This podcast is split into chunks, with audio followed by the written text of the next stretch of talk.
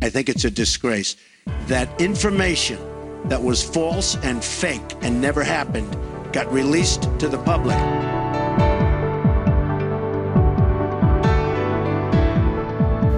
Välkommen kära lyssnare till det första och inledande avsnittet av intervjupodden Sjuka fakta. En podd som har för avsikt att försöka bekräfta eller dementera myter och föreställningar om just kroppen och vår hälsa. För att hjälpa oss reda ut hur det ligger till inom olika ämnen kommer vi ta hjälp av Sveriges främsta experter på varje område och på så sätt få fram om det vi hör, ser och tror oss veta är sant, falskt eller någonting mitt emellan. För att kicka igång detta ska vi presentera vår första gäst. Hon är epidemiolog vid Karolinska institutet, har tidigare forskat vid Oxford University. jag var tvungen att titta lite noga så, inte, så att jag inte säger fel. Hon är för många känd för sin artikelserie Vetenskapskollen i Svenska Dagbladet där hon har utvärderat sanningshalten och den vetenskapliga korrektheten, och jag citerar, bakom populär forskning och sensationella nyheter. Hon är författare, blev utnämnd till Årets folkbildare 2017 och figurerat i tv-soffor, varit med Filip och Fredrik och nu är det många som känner igen hennes namn och hennes röst från sommarpratet. Jag talar såklart inte om någon mindre än Emma Frans. Välkommen hit! Tack så mycket. Jag kanske ska säga tack för att jag var här. Vi är på ditt kontor. Ja, vi är här på Karolinska. Väldigt mysigt kontor. Tycker du det? Men jag tycker typ det. Okej, ja. Jag vet Du är inte. lite Jag är sällan skeptisk. stolt. Ja, jag är inte så stolt över det tyvärr. Men ja, det är vad det är. Det var det. Ja. Först och främst, kan man sammanfatta dig som forskningsfuskarnas värsta mardröm? Ehm, men kanske då. Eh, jag har väl i och för sig inte ehm, granskat så mycket forskningsfusk dock. Eh, men jag tror väl att eh, jag åtminstone är ganska bra på att reda ut vad som är svag forskning. För problemet kanske inte bara är att det finns forskare som fuskar utan också att forskning som kanske inte håller måttet riktigt eh, får stor spridning och eh, bara för att man säger att någonting är baserat på forskning så tror många att det nödvändigtvis är sant. Men så är det ju inte utan det krävs ju ofta ganska mycket forskning och många olika typer av studier innan man verkligen ska tro att någonting stämmer eller inte. Då tänker jag forskning som kommer ut, är inte den kontrollerad redan? Men det är ju, alltså vi har ju vissa typer av kontrollfunktioner såklart. Att saker är peer-reviewade och att de har gått igenom, alltså att, att det är andra forskare som får granska de här studierna. Att man kanske har en redaktör också som går igenom det. Men det är ju, det är ju bättre än ingenting. Men det är ju inte helt ehm, bulletproof. Och det finns ju exempel som, ja men ett, ett, ett eh, exempel som alla här i Sverige kan relatera till är ju såklart Macchiarini. Eh, där så var det ju, hans forskning blev ju publicerad i The Lancet som är en av de mest ansedda vetenskapliga tidskrifterna i världen. Det var ju trots att allting att det liksom inte stämde och Ja. det har ju granskats på det sättet. Så att jag menar, det, det, den granskning som finns är ju bättre än att inte ha någon granskning överhuvudtaget. Men det är ju inte helt liksom, det, vi, man kan ju aldrig till 100% vara säker på att det stämmer. Och hur kommer det sig att du från början valde att nischa dig? För du är ju epidemiolog. Knepigt ord. Det är det. Ja. Eh, du sa det väldigt bra. Men eh, ja, alltså jag vet inte. Man, eh, det är ju lite bananskal också. Jag visste att jag ville hålla på med eh, forskning. Jag visste att jag gärna ville göra det inom ja, men någonting som hade koppling till psykisk hälsa faktiskt. Så även om epidemiologi, man kanske förknippar det med eh, i första hand de smittsamma sjukdomarna. Men eh, jag sökte mig hit för att man höll på med beteendegenetik och psyk- psykiatrisk epidemiologi. Eh, så man tittade då på eh, olika riskfaktorer för psykisk ohälsa och just också familjära riskfaktorer. Alltså ehm, hur, hur ens egen risk för psykisk ohälsa eller olika typer av psykiska diagnoser är beroende av eh, huruvida man har släktingar som har de här diagnoserna. Och sen valde du på något sätt, för det är ändå det de flesta som hör, hör dig och ser dig känner igen dig för att du har gått på det här med myter. Ja, gått på det. Inte att du, du har själv inte gått på det, utan du har grävt ner dig i den företeelsen. Ja.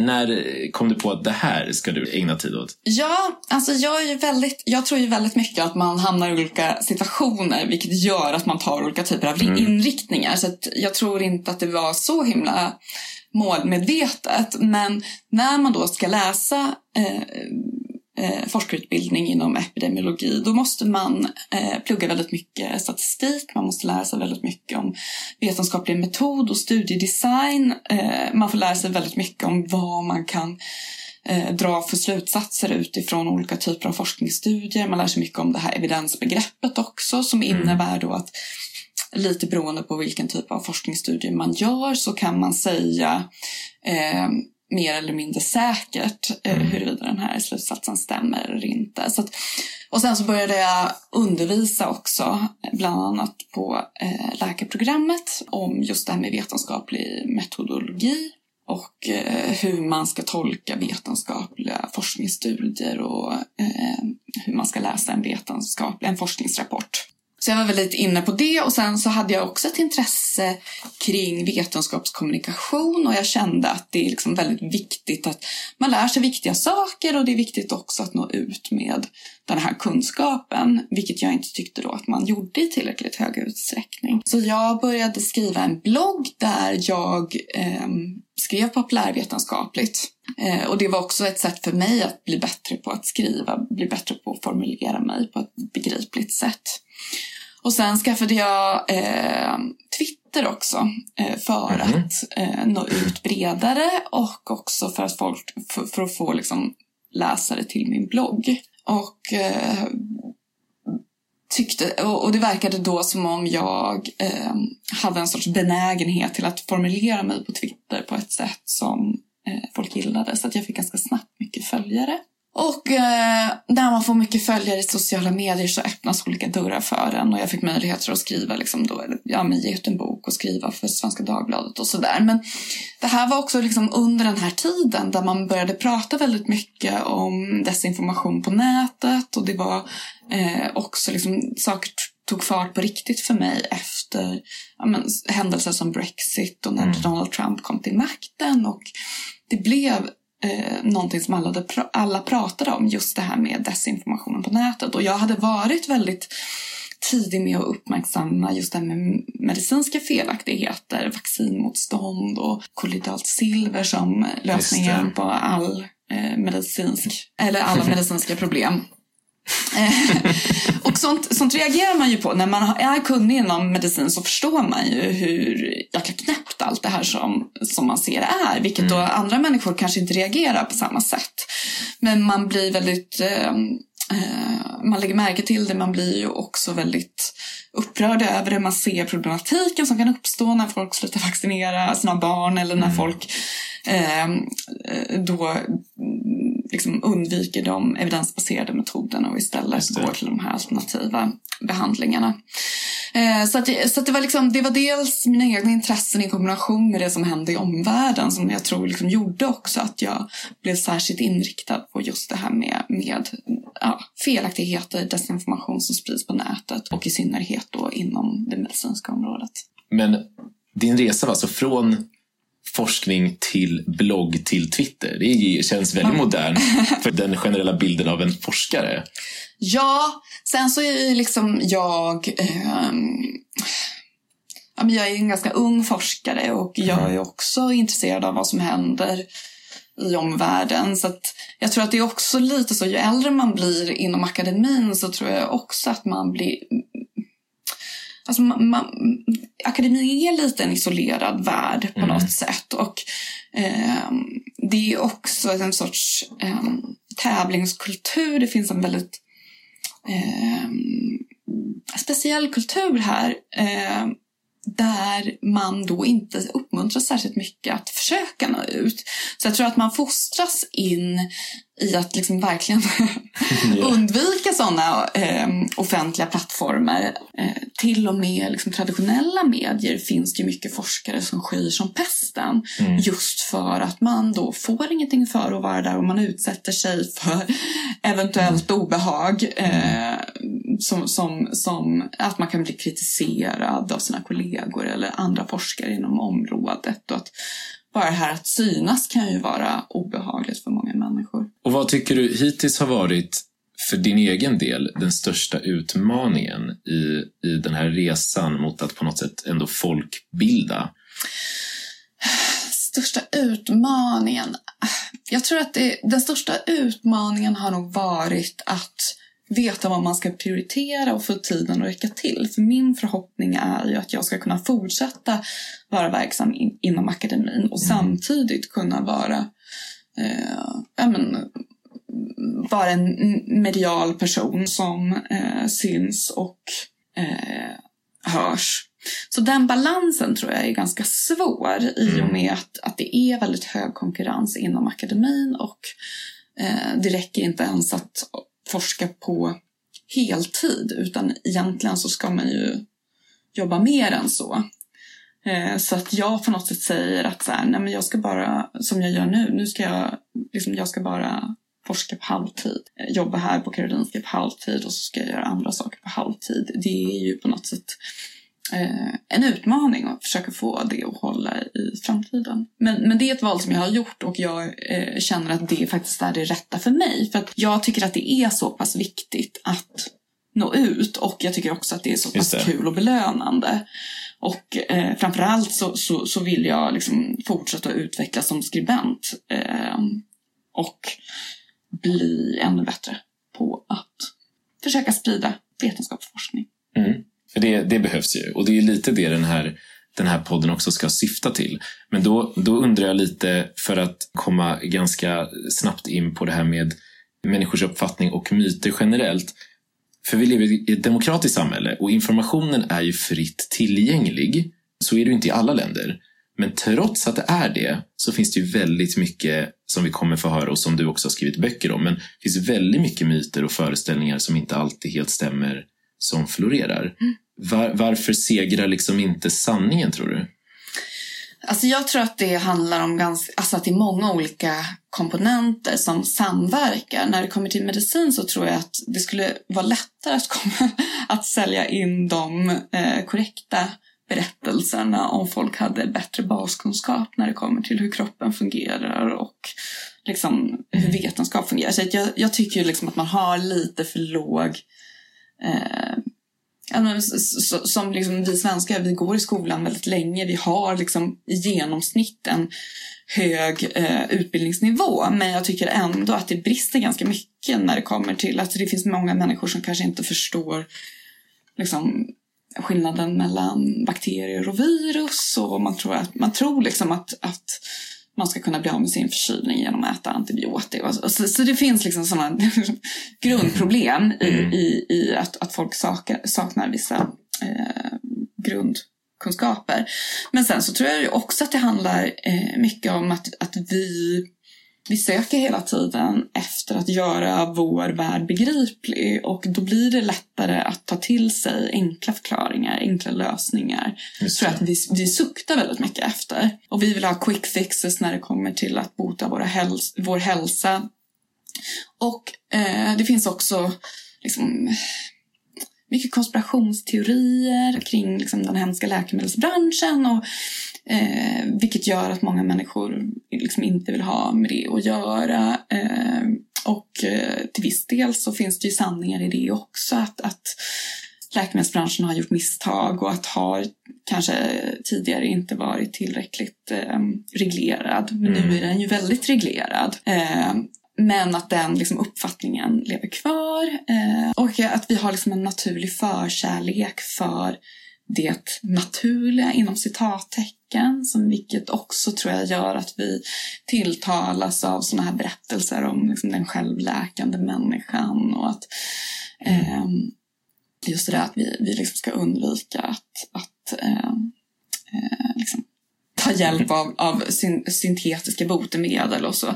Men sen så tror jag det också handlar om vem som är bäst på att berätta en bra historia. Och jag tror att vi som är forskare och kanske också läkare är sämre på att ge en tillfredsställande berättelse som blir begriplig för människor. Och att sanningen ibland också kan vara lite svårtillgänglig. Och då vill man kanske inte lika lätt acceptera det. Som... Ja, men en lögn kan alltid skräddas, skräddarsys på ett sätt som gör att det blir lättillgängligt för mm. människor. Medan sanningen, Den... där måste man kanske jobba ganska mycket med att göra det begripligt. Och inom forskning, eh, alltså inom akademin, så lägg, satsar man inte särskilt mycket resurser på att göra någonting lättillgängligt Nej, och begripligt. Utan...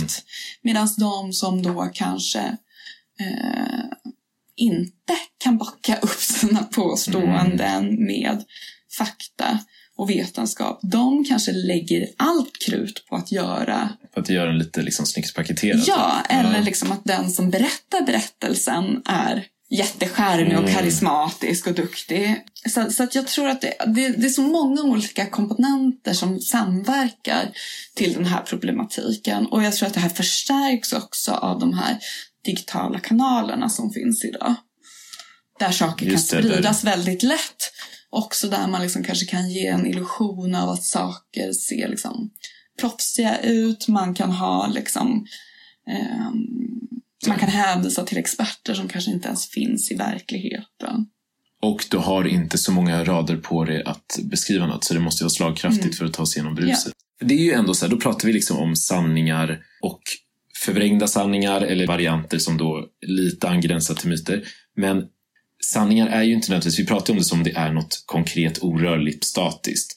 Men det som man trodde var sant för mm. ganska länge sedan i vissa avseenden är ju inte sanningen idag. Så hur vet man idag vad som är sant och vad som kommer att förändras framöver? Kan man veta det? Det kan man nog inte veta och jag tror att det finns ett, ett problem med att man ser de här frågorna också som liksom binära och att mm. vi pratar om saker som att någonting är sant eller falskt. Och jag tror att man måste kanske se det här mer som någon sorts Eh, skala. I mina texter som jag skriver i Svenska Dagbladet då har vi också någon sorts liksom, eh, evidensmätare eller liksom på något sätt att, att eh, och det är inte bara för att jag försöker liksom eh,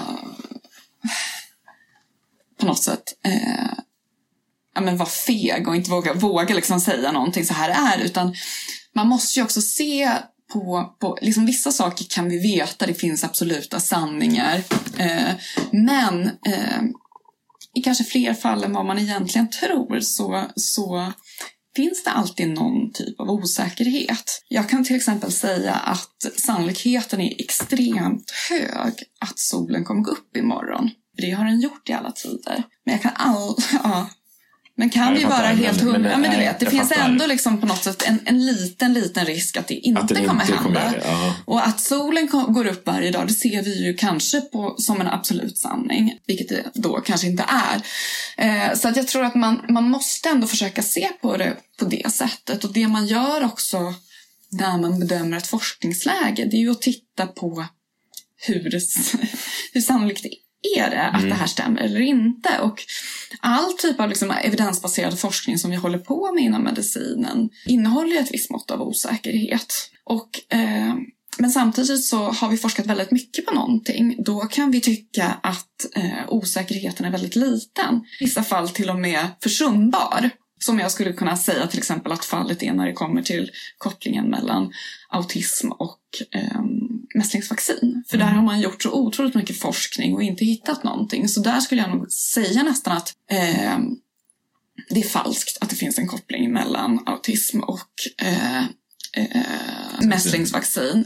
Eh, I och med att man har forskat så mycket på det här, man har inte hittat eh, någon koppling, förutom då i den här, studien, här, det här exemplet också Lancet som publicerade den här studien som sen drogs tillbaka för att det visade sig att det var ett resultat av forskningsfusk. Studien som visade då en, en koppling mellan autismliknande symptom och mässlingsvaccin. Men där kan man ju säga som sagt var att risken, eh, att, att osäkerheten är försumbar. Så där ska man säga då att om någon frågar mig, eh, finns det en koppling mellan auti eh, autism och mässlingsvaccin skulle jag säga. Så nej, det är falskt. Och det finns också tillfällen där man har liksom kanske gjort en forskningsstudie och så har man kunnat se någonting. Men där är på något sätt osäkerheten istället väldigt stor i och med att man inte har gjort tillräckligt med forskning på det området. Jag gjorde till exempel, eh, jag skrev en text i svenskan som handlade om, eh, för då var det eh, bland annat någon ledarskribent här i Sverige som hade skrivit att tandtråd var en bluff. Och det här var då baserat på att amerikanska myndigheter hade tagit tillbaka rekommendationen om att använda tandtråd. Och anledningen till det här var då att det inte fanns tillräckligt med eh, vetenskapligt stöd för att det verkligen kunde förebygga långsiktiga tandproblem. Och de hade bestämt att alla rekommendationer skulle vara evidensbaserade. Men här är det ju inte så att man har liksom bevisat att det inte är effektivt Nej. med tandtråd utan att det finns helt enkelt inte i nuläget tillräckligt mycket vetenskapliga studier. Som, alltså det fanns väl ja. egentligen inga lång, riktigt långsiktiga studier mm. inom det här området. Och därför så tyckte man att man inte längre kunde säga det. Men det här, här har man ju absolut inte bevisat. Eh, men i det här läget så då är det inte evidensbaserad och man vill inte ge rekommendationen. Men det fanns ganska mycket liksom kortsiktiga studier som ändå visade eh, på fördelar med att använda tandtråd. Så där menar jag liksom på något sätt att, att man blir lite förvirrad. Vad betyder det egentligen att man inte har vetenskapligt stöd för någonting. I vissa fall när man har jättemycket forskning och mm. ändå inte hittat något stöd, då betyder det ganska mycket. Eller väldigt mycket till och med mm. ibland. Men i andra fall så eh, betyder det ju kanske ingenting egentligen. Finns inte forskning på området. Så därför kan man inte säga varken liksom Varken eller. Falskt. Då, blir det något mittemellan. Då blir det någonstans mittemellan. Precis som i boken. eh, för du berättade att det hade kommit ut i Lancet som är den här som vi nämnde i början också. Mm. En väldigt väl ansedd tidskrift medicinskt. Och sen backar man. Men den kom ju ändå hela vägen dit till att publiceras innan man insåg att man skulle ta tillbaka den. Och det jag vill ha sagt med det, eller det jag vill fråga dig är, för den som är lekman, hur ska man liksom sålla hur vet man av det man hör och ser och läser och man sitter på en middag och någon refererar till någon studie. Hur vet man att någonting är sant eller falskt? Alltså hur, hur lär man sig liksom att... Ja. Det är en väldigt stor fråga, men om man nu sitter helt förvirrad där. Precis. Nej men alltså det är jättesvårt det där. Eh, när det kommer till vissa typer av frågor i livet då kan vi ju själva bedöma vad som är sant eller falskt. Vi kan ju liksom ta reda på huruvida det är soligt eller inte genom mm. att öppna ett fönster och titta. Det är ganska enkelt ja, och då verkligen. kan vi ju ganska säkert veta, för vi har liksom själva kunnat göra den här bedömningen. När det kommer till forskning och vetenskap så är det ju betydligt svårare och där handlar det ju också ganska mycket om vilka vi tror på. Alltså vilka källor vi lyssnar mm. på. Eh, och eh, där, det, det, det, tror jag liksom är ganska eh, mycket A och O i sådana här ställningar. Vilka har man förtroende för? Vilka bör man lyssna på? Eh, och där tycker jag att det är kanske lättare i första hand att avgöra vilka man inte bör tro på.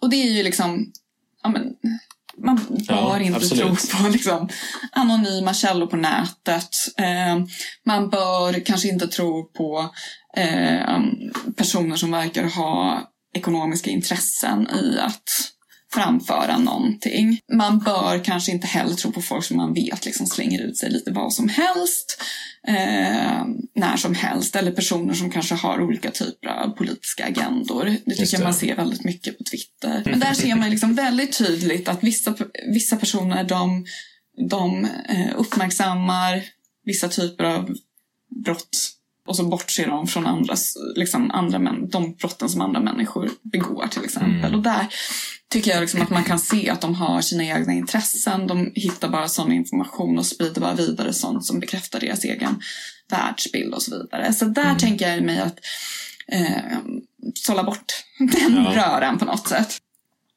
Sen så tycker jag, jag hör ju ändå till, eh, till de som tycker att man ska liksom ändå lita på myndigheter som gör sina genomgångar. De går igenom den forskning som finns, sådana som WHO. De har expertpaneler som bedömer och som går igenom forskningen och kommer fram till slutsatser. Även SBU, stat, eh, Statens beredning för medicinsk undersökning, hoppas jag mm. att det heter. Eh, de går också igenom och gör väldigt liksom, eh, gedigna genomgångar och tittar på vad det finns för vetenskapligt stöd. Eh, så de tycker jag ju också att man ska ha förtroende för. När det kommer till vetenskapliga undersökningar så är det ju viktigt att komma ihåg att eh, för om, man, om någon hänvisar till forskning visar, ja men vad har du för källor på det här och vad är det för forskning eh, som, som backar upp det här påståendet? Och eh, då har man ju liksom brukar man ju säga att, att ja, om man ska uttala sig på människor då ska man vara kanske tveksam till fallrapporter och studier som man har gjort på försöksdjur. Eh, jag är själv epidemiolog. Vi håller väldigt mycket på med såna observationsstudier där vi studerar hela tiden liksom olika samband och korrelationer. Men vi kan säga väldigt lite om i vilken riktning det här orsakssambandet går eller om det finns bakomliggande förklaringar till att vi ser kopplingar mellan att äta mycket fisk och vara intelligent. Där brukar man ju säga liksom att fisk gör en smart, mm. säger mina barn och det lurar jag i dem också när jag vill att de ska äta upp mm. laxen som jag har tillagat. Målen helgar medlen kanske? Ja, ja, absolut. um, men där vet vi ju väldigt lite om liksom, vad som ligger bakom sådana här samband. Mm. Eh, och sen så brukar man ju säga att liksom, sådana här randomiserade studier när slumpen får avgöra vem som exponeras för vad är eh, ja, de studierna kan ju faktiskt påvisa orsakssamband. Men de är begränsade av andra faktorer som att de ibland inte är etiskt försvarbara. När det kommer till just det här med, med kost och hälsa så, så har vi det här liksom Vipeholmsexperimentet till exempel där personer som hade intellektuell funktionsnedsättning fick äta sen kola vilket gjorde att vi förstod att eh, socker orsakade karies vilket såklart var jättebra för folkhälsan men kanske mindre bra för de som faktiskt eh, utsattes för den här oetiska forskningen. Så det finns etiska problem, det finns också problem med att de här studierna är väldigt dyra och kanske är dåliga på att titta på långsiktiga effekter eftersom de oftast bara pågår under begränsad tid. Och sen så har man de här metaanalyserna eller de här liksom sammanfattande studier som går igenom många olika forskningsstudier och de är ofta bra men de kan också ha jättemycket problem och ibland så kanske man klumpar samman saker som inte går att jämföra. Eh, så, att, så att det, det, är liksom svårt att veta. Det kan finnas forskning bakom olika eh, påståenden men det behöver ju inte så det är väldigt svårt det. att orientera ja, sig också ja. som lekman. Ja, därför tror jag liksom också att det handlar ganska mycket om en förtroendefråga. Och jag tror också att eh, liksom här i Sverige, om man jämför med många andra länder, vi, vi nämnde ju båda den här liksom studien som visade kopplingar mellan eh, den här studien i Lancet som visade en koppling mellan vaccin och autism. Och den, påver den gjorde ju att i, jag tror både Storbritannien och USA så minskade, eh, kunde man se liksom efter den här studien, det är svårt som sagt var att påvisa orsakssamband, men man kunde se ändå efter det här att, att eh, andelen som vaccinerade sina barn minskade. Men i Sverige har vi inte sett den effekten utan där har vi haft liksom en fortsatt hög eh, vaccinationsgrad och det har vi liksom även idag. Och det tycker jag också är spännande. Liksom, vad beror det på? Ja, exakt. Och eh, om, om jag får dela med mina teorier. Alltså dels så tror jag liksom, i, i Sverige generellt mm. har vi ju ett högt förtroende för myndigheter. Mm. Mm. Och det tror jag eh, också eh, är för att eh, kanske myndigheter har gjort så. Alltså i många andra länder så finns det en rationell misstanke för att det har varit korrumperat till exempel. Och men sen så tror jag också just att den här eh, BVC-modellen har varit ganska framgångsrik där man kommer till en BVC-sköterska med sitt barn. Man bygger en relation över tid, man får förtroende för den här personen och att den personen har ens, bäst, ens barns bästa i intresse. Och när den personen sen ska vaccinera ens barn så tänker man att den personen inte kommer utsätta mitt barn för någonting som kan vara potentiellt farligt. Och där tror jag liksom också liksom just det här med att, att kanske ha att bygga relationer, att också kanske... För där tror jag liksom att det kan finnas problem, eh, framtida problem med att man kanske inte har samma typ av läkarkontinuitet nu för tiden eller liksom att vårdpersonal byts ut snabbt. Där kanske det kan liksom ändå uppstå problem också. Men eh, sen, utöver det här med tillit, så tror jag ju också att det är väldigt viktigt att komma ihåg att kunskapsläget idag inte nödvändigtvis behöver eh, vara exakt detsamma imorgon. Så det är också viktigt att försöka förstå att just det här med kunskap och forskning, det är liksom en kontinuerlig process där man lägger ett pussel. Och att vara liksom ödmjuk inför det, att det här är trots allt den bästa förklaringsmodellen som finns här och nu. Och den bör jag tro på, för då har jag liksom goda chanser att ha rätt. Men samtidigt så måste man förstå att det är inte ett statiskt läge Nej. utan det kan förändras. Så jag tror att det här att vara lite skeptisk även mot myndigheter och kanske ibland, liksom, jag ser inget problem med att man faktiskt frågar sin läkare eller forskare eller liksom sin, sin BUC-sköterska, är det här verkligen bra för mitt barn? Och att man också utbildar vårdpersonal till att kunna hantera sådana frågor. För där mm. tror jag liksom också att det har uppstått... Nu vet jag att WHO har tagit fram liksom verktyg för vårdpersonal för att bemöta olika typer av frågor. För där tror jag liksom också kanske man har blivit lite tagen på sängen. Att man inte har varit beredd på att få sådana här frågor. Så det tror jag också kanske kommer vara en viktig del av eh, att bemöta de som är skeptiska ja, och inte bara liksom stå där och precis, se chockade ut. Ja. Precis, och det tror jag liksom ändå, just det här med kommunikation är väldigt viktigt och vi befinner oss ganska mycket i liksom en tid där eh, ja, men som jag sa i mitt sommarprogram, liksom att bästa berättelsen vinner. Så alla liksom måste, alla som vill övertyga människor om någonting eh, måste också vara lite skolade i att faktiskt ge en begriplig berättelse. Så att man faktiskt också på något sätt på det planet kan konkurrera med de som bara lägger fokus på att ha en bra berättelse. Exakt, exakt. Smart. Jag vet ja, men, det, inte, jo, men, men, det är också en utmaning tror jag. Och, och jag tror också liksom som sagt va, Vissa läkare kanske säger att det är inte mitt jobb mm. att ge en bra berättelse. Mm. Säkert. Eh. det, det, det men jag tror att det har blivit ens jobb. Och samma sak, liksom, många forskare säger också så här, ja, nej, men jag, jag forskar och jag tar fram kunskap. Det är inte mitt jobb att sprida det. Men jag tror faktiskt att det har blivit ens jobb. För att jag tror också att eh, de andra sakerna som man gör blir obetydliga om man inte kan nå ut med sin berättelse. Mm. Och jag tror kanske också att när det kommer till liksom bemötandet att många också lockas kanske till alternativmedicinen är också att när du då träffar den här personen som ska mm. liksom hela dig så ger de ett, en väldigt bra liksom, tilltalande berättelse och ett, ett mottagande, att de tar sig tid med eh, sina patienter eller klienter mm. eller vad man kallar det i sådana här sammanhang och att det liksom också är väldigt viktigt för de här individerna eh, och att det också kanske kan vara en anledning till att folk blir väldigt liksom dragna av de här liksom, ja, precis. Man dras in i hela, det, i hela den världen på något ja. sätt och tycker att men det är ju makes sense. Mm. Och så man blir sedd och att det liksom, mm. ja det spelar nog, det är väldigt mycket som spelar in.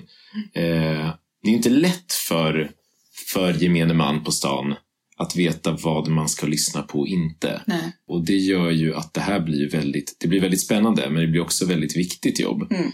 Ja, jag tror att det, det är svårt. Det, man kan ju sitta i timmar och försöka komma fram till varför man skulle kunna tro på det ena eller andra eller varför folk liksom får reda på det. Men det var intressant att höra dina tankar eftersom att du också har grottat ner dig en del i det här de senaste åren. Och för den som vill eh, ha lite fler exempel så var det dels en bok som heter Sant fast mittemellan. Den är uppdelad i liksom föreställning och sen lite vad man tror på stan, forskningsläget och vad du då drar för slutsats om mm. det här. Och sen har du ju en annan bok. Mm. Min första som... bok heter Larmrapporten. Så heter den. Vetenskap från trans. Och den är upplagd lite annorlunda. Den handlar ganska mycket om just det här med liksom alternativa fakta och fake news. Tar Mm. liksom avstamp i den diskussionen. Och sen också då hur man med hjälp av vetenskap försöker ta reda på vad som stämmer och vad som inte stämmer. Så det, det, det är också ganska liksom mycket fokus på vetenskapsteori faktiskt. Så egentligen, nu är det svårt att sammanfatta alltihopa, men man ska vara skeptisk för att information är inte allt, alltså sanning ska man säga, är inte alltid helt statisk. Och det som är sanning idag kanske inte är hela sanningen imorgon. Så man ska inte se det binärt. Nej. Och sen så i Sverige kan man lita något sånär i alla fall på myndigheter rätt bra. Och framförallt ska man kanske vara skeptisk när man hör någonting nytt. Och kanske fråga sig, okej finns det någon vinst för personen som sitter mitt emot mig? att säga det här på det här sättet? Finns det en annan sida av samma mynt? Och i så fall försöka ta reda på det om man är intresserad av att se ifall det där är sant eller falskt eller mitt emellan. Ja, Mm, det låter bra tycker jag. ja men då så. Du Emma, tack så jättemycket för din tid. Tack för att jag fick komma hit. Tack för att du har lyssnat på Sjuka fakta. Det här var det första avsnittet med Emma Frans om myter i generella tankar och ordalag. Framöver kommer avsnitten däremot vara lite mer ämnesspecifika. Det här avsnittet var mer tänkt som ett avstamp mot alla kommande avsnitt för att få in känslan kring källkritik och höra hur någon som dagligen brottas med myter och tveksam forskning tänker. Efter denna inspelning har Emma figurerat mycket i media och kan nog titulera sig som den i Sverige som satte epidemiologyrket på kartan. Hon har även under tiden startat en podd som heter Hjärta och hjärna som också behandlar myter om kroppen. Kan varmt rekommenderas. Slutligen, i enlighet med min PR-ansvarige tillika lillebror lovade jag att avsluta med att säga att om ni gillar det ni hör så är ni varmt välkomna att prenumerera på podden. Ni kan även följa Instagramkontot Sjuka Fakta Podcast och ni får gärna höra av er till kontakt sjukafakta.se om ni har tankar eller funderingar kring myter, gäster eller nya ämnen. I nästa avsnitt så kommer jag ta med vår gäst på fest för att lära oss allt som finns att veta om alkohol. Missa inte det. Men tills dess, må gott, stay safe och tro inte på allt ni hör.